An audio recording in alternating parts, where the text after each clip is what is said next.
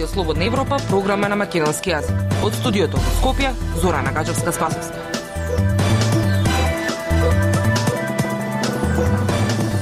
Почитувани, ја следите утринската емисија на Радио Слободна Европа.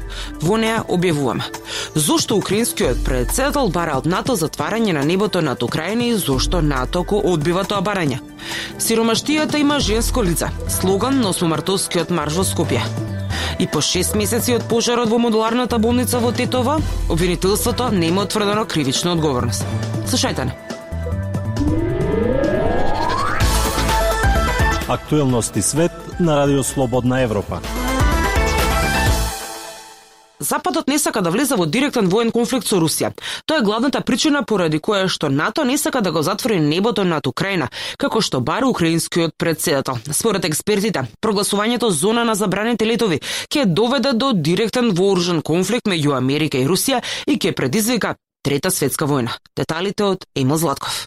Од првиот ден на руската агресија, украинскиот председател Володимир Зеленски сака НАТО да го затвори небото над Украина и така, како што рече, ќе биде победен агресорот со помалку крв.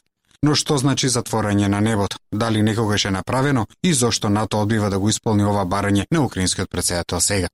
Затворено небо значи прогласување зона на забранети летови. Тоа го предвидува повелбата на Обединетите нации во случај на војна и целта е да се спречи воени авиони да влезат во одреден воздушен простор.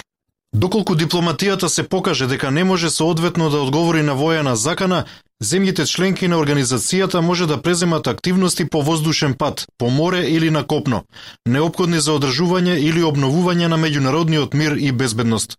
Стои во повелбата на Обединетите нации. Затворањето на воздушниот простор е една од овие можности. Примената на оваа мерка може да се одвива преку наблюдување, превентивни удари или пресретнување и отстранување на воздухопловите што ја нарушуваат.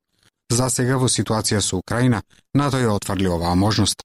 Главната причина е што Западот не сака да влезе во директен конфликт со Русија, а токму тоа би се случило доколку руските авиони ја прекажат забраната за летови и НАТО ќе мора да собори руски авиони. Евентуалното соборување на руски авиони од страна на сојузничките сили може да го ескалира воениот конфликт и да предизвика Трета светска војна. Украински активист го повика британскиот премиер Борис Џонсон да го поддржи затворањето на небото на Украина, но без резултат. За жал, кога зборувате за зона на забранети летови, како што му кажав на Владимир Зеленски неколку пати, тоа значи дека Обединетото кралство ќе биде вклучено во соборувањето на руските авиони, во директен конфликт со Русија. Тоа не е нешто што можеме да го направиме или да го предвидиме. Последиците од ова би биле многу, многу тешко да се контролираат рече Џонсон. Според Тасон Вацел Постариот, офицер во воздухопловните сили на Соединетите држави, затворањето на украинското небо не е лек и нема да ги запре нападите со крстосувачки и балистички ракети против Киев. Според изјавата на понаранешниот генерал на американските воздухопловни сили Филип Бридлов за магазинот Foreign Policy, затворањето на небото над Украина е еднакво на војна. Ако сакаме да прогласиме зона на забранети летови, мора да ја елиминираме способноста на непријателот да пука и да влијае на нашата зона на забранети летови. Вели Бридлов. И поранешниот бугарски министер за одбрана Велизар Шаламанов е со став дека НАТО нема да донесе таква одлука, бидејќи тоа би значило објавување војна на Русија. Алијансата не може да се вклучи во директна конфронтација со руската авиација и лансери бидејќи тоа значи војна со Русија. НАТО одлуките ги носи со консензус, а јас лично тешко можам да замислам да имаме консензус за такво прашање. Изјави Шаламанов за Слободна Европа. Според него реална опција да и се помогне на Украина е да се обезбедат средства за противвоздушна одбрана за таа да продолжи сама да го брани својот воздушен простор. Радио Слободна Европа, светот на Македонија. И по цели 6 месеци откако избумна пожарот во модуларната болница во Тетово во која живи изгореа 14 луѓе, обвинителството се уште нема утврдено кривична одговорност. Она што досега утврдено е дека пожарот настанал поради краток спој на проложен кабел. Повеќе од Марија Митавска. Шест месеци по несреќата во модуларната болница во Тетово, познати се причините, но се уште не се лоцирани одговорните. На 8 септември минатата година, во болницата во која се лекуваа пациенти заразени со COVID-19, животот го загубија 14 лица. Истрагата ја предводеше Тетовското обвинителство. Во истрагата учествуваа и експерти и истражители од Сојузната криминалистичка полиција од Германија, а нивниот извештај од 7 страници беше доставен до обвинителството во средината на јануари. Од обвинителството за Радио Слободна Европа велат дека во предметот во континуитет се преземаат действија во рамките на предистражната постапка со цел да се утврдат сите факти и околности. Во таа насока, како што наведуваат, било наредено вештачење од МВР кое обвинителството веднаш го објави кое се однесува на директните причини за самиот пожар. При тоа биле наредени и извршени уште две вештачења од технолошкиот факултет и од стручно лице, односно електроинженер. По меѓународната правна помош беше побарано вештачење од германските експерти, а пристигнатиот извештај во поглед на директните причини за настанување на пожарот не се разликува многу од она што го тврдија стручните лица од МВР. Сепак сите извештаи се анализираат во корелација со останатите прибавени докази, како и со вербалните искази на сослушаните сведоци и други лица кои имаат сознание за настанот. Анализата на сите прибрани докази е во тек. Јавните обвинители по целосно утврдување на фактите во предметот ќе донесат одлука за која јавноста веднаш ќе биде известена, велат од обвинителството. Истрагата на Тетовското обвинителство се однесуваше на надзорот и техничкиот прием на модуларната болница, од кои материјали е изградена, приклучоците за вода, снабдувањето на кислород и електрична енергија, стандарди за противпожарна заштита. И државниот јавен обвинител Љубомир Јовески во интервју за Радио Слободна Европа на крајот на јануари изјави дека вештачењето на германските експерти се софаја со вештачењето на македонските. Тука мора да истакнем дека на помош на двајцата обвинители во Тетово им беа обезбедени обвинители, дежурните обвинители во двајцата дежурни обвинители во основното јавно обвинителство Скопје. Сите ги проучуваат сите овие докази, секој посебно и во рамките на нивната севкупност и доколку постојат доволно елементи за донесување на јавно обвинителската одлука, очекувам дека во скоро време ќе донесат соодветна одлука. Обвинителството во октомври минатата година го објави извештајот изработен од Оделот за криминалистичко технички испитување и вештачења при мовера. Со вештачењето се утврди дека пожарот настанал како последица од електрична куса врска преку висок приоден отпор во приклучниот кабел на дефибрилатор со кој се вршела реанимација на пациент во една од болничките соби. Обвинителството за гонење на организиран криминал и корупција отвори истрага за јавната набавка на модуларната болница. Набавката беше спроведена од Министерството за труд и социјална политика со заем од Светска банка. Слободна Европа.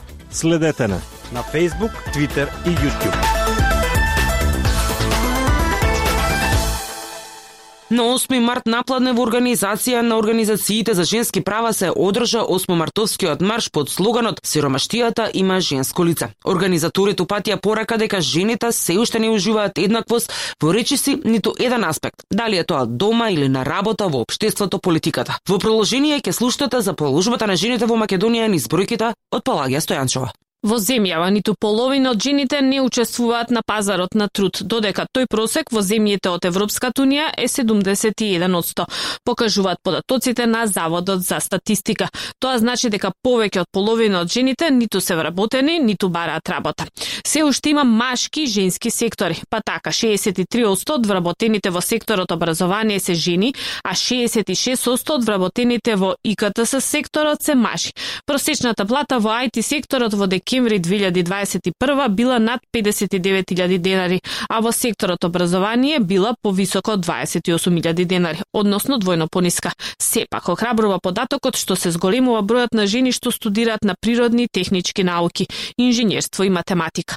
Во 2012-та новија факултети студирале 12 жени, а во 2019-та имало 43 од 100 студентки. Двојно повеќе мажи од жени во руралните средини имаат статус на неплатени семени работници. Регистрираните земјоделки во земјава немаат право на породилно отсуство и затоа од Националната федерација на фармери побара измени на Законот за здравствено осигурување за да може регистрираните земјоделки да може да остварат право на родителско отсуство и на боледување.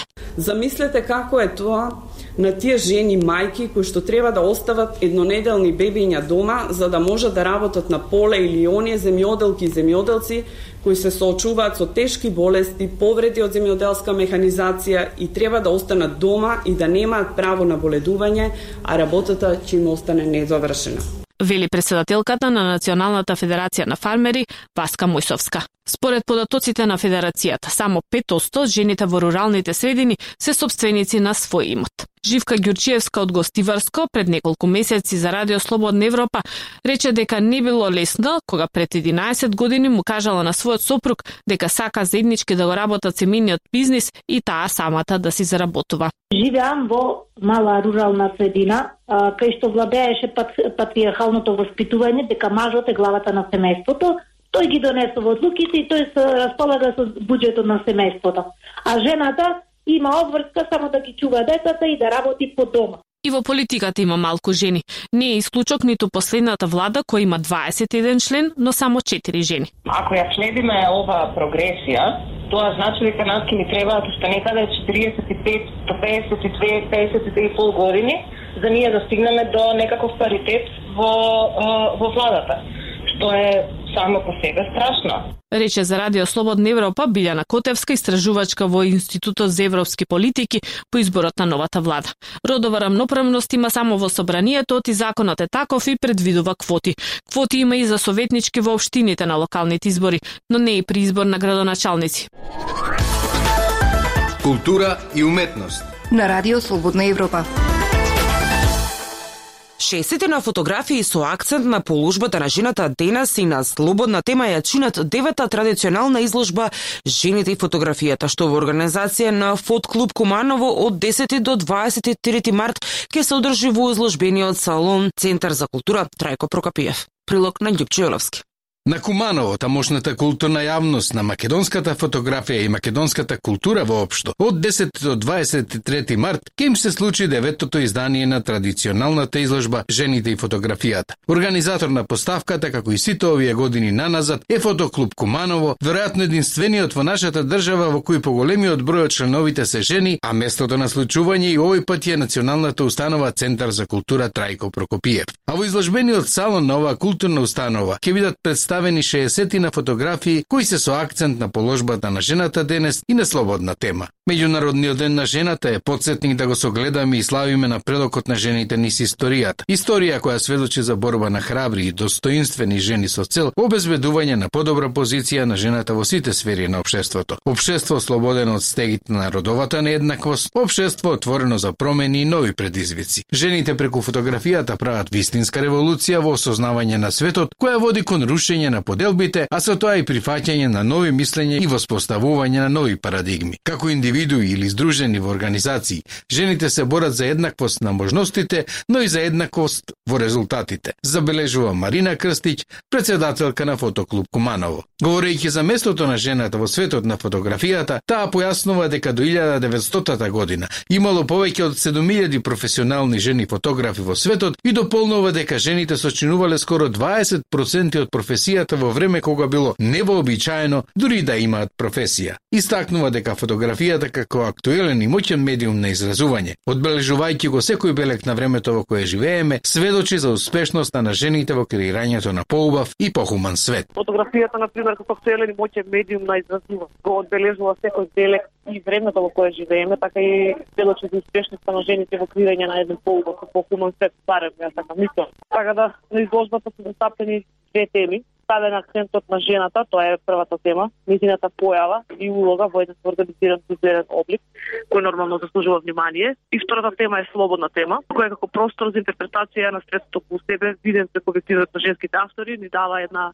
волшебна слика за самите жени, нели како авторки. Вели Марина Крстич. Председателката на фотоклуб Куманово и со информација дека овој пат имало најмногу пријавени на конкурсот, вкупно 40 авторки од целата држава и дека згоре на тоа селекторката на изложбата Викторија Педрушевиќ поканила и 20 ученички кои предходно ги посетувале работилниците за уметничка фотографија. Па направи убав пресек и изанализира држините на самите дела и мотивите да добијат една комплетна форма за да може да се поврзе фотографијата со духот, карактерот и личноста на самиот фотограф, да го изрази нормално преку полот на авторот. Имаме многу интересни теми, значи имаме многу интересни фотографии, начин на битување како тие фотографии го виделе светот околу нив и нормално тоа го раскажуваат преку своите дела.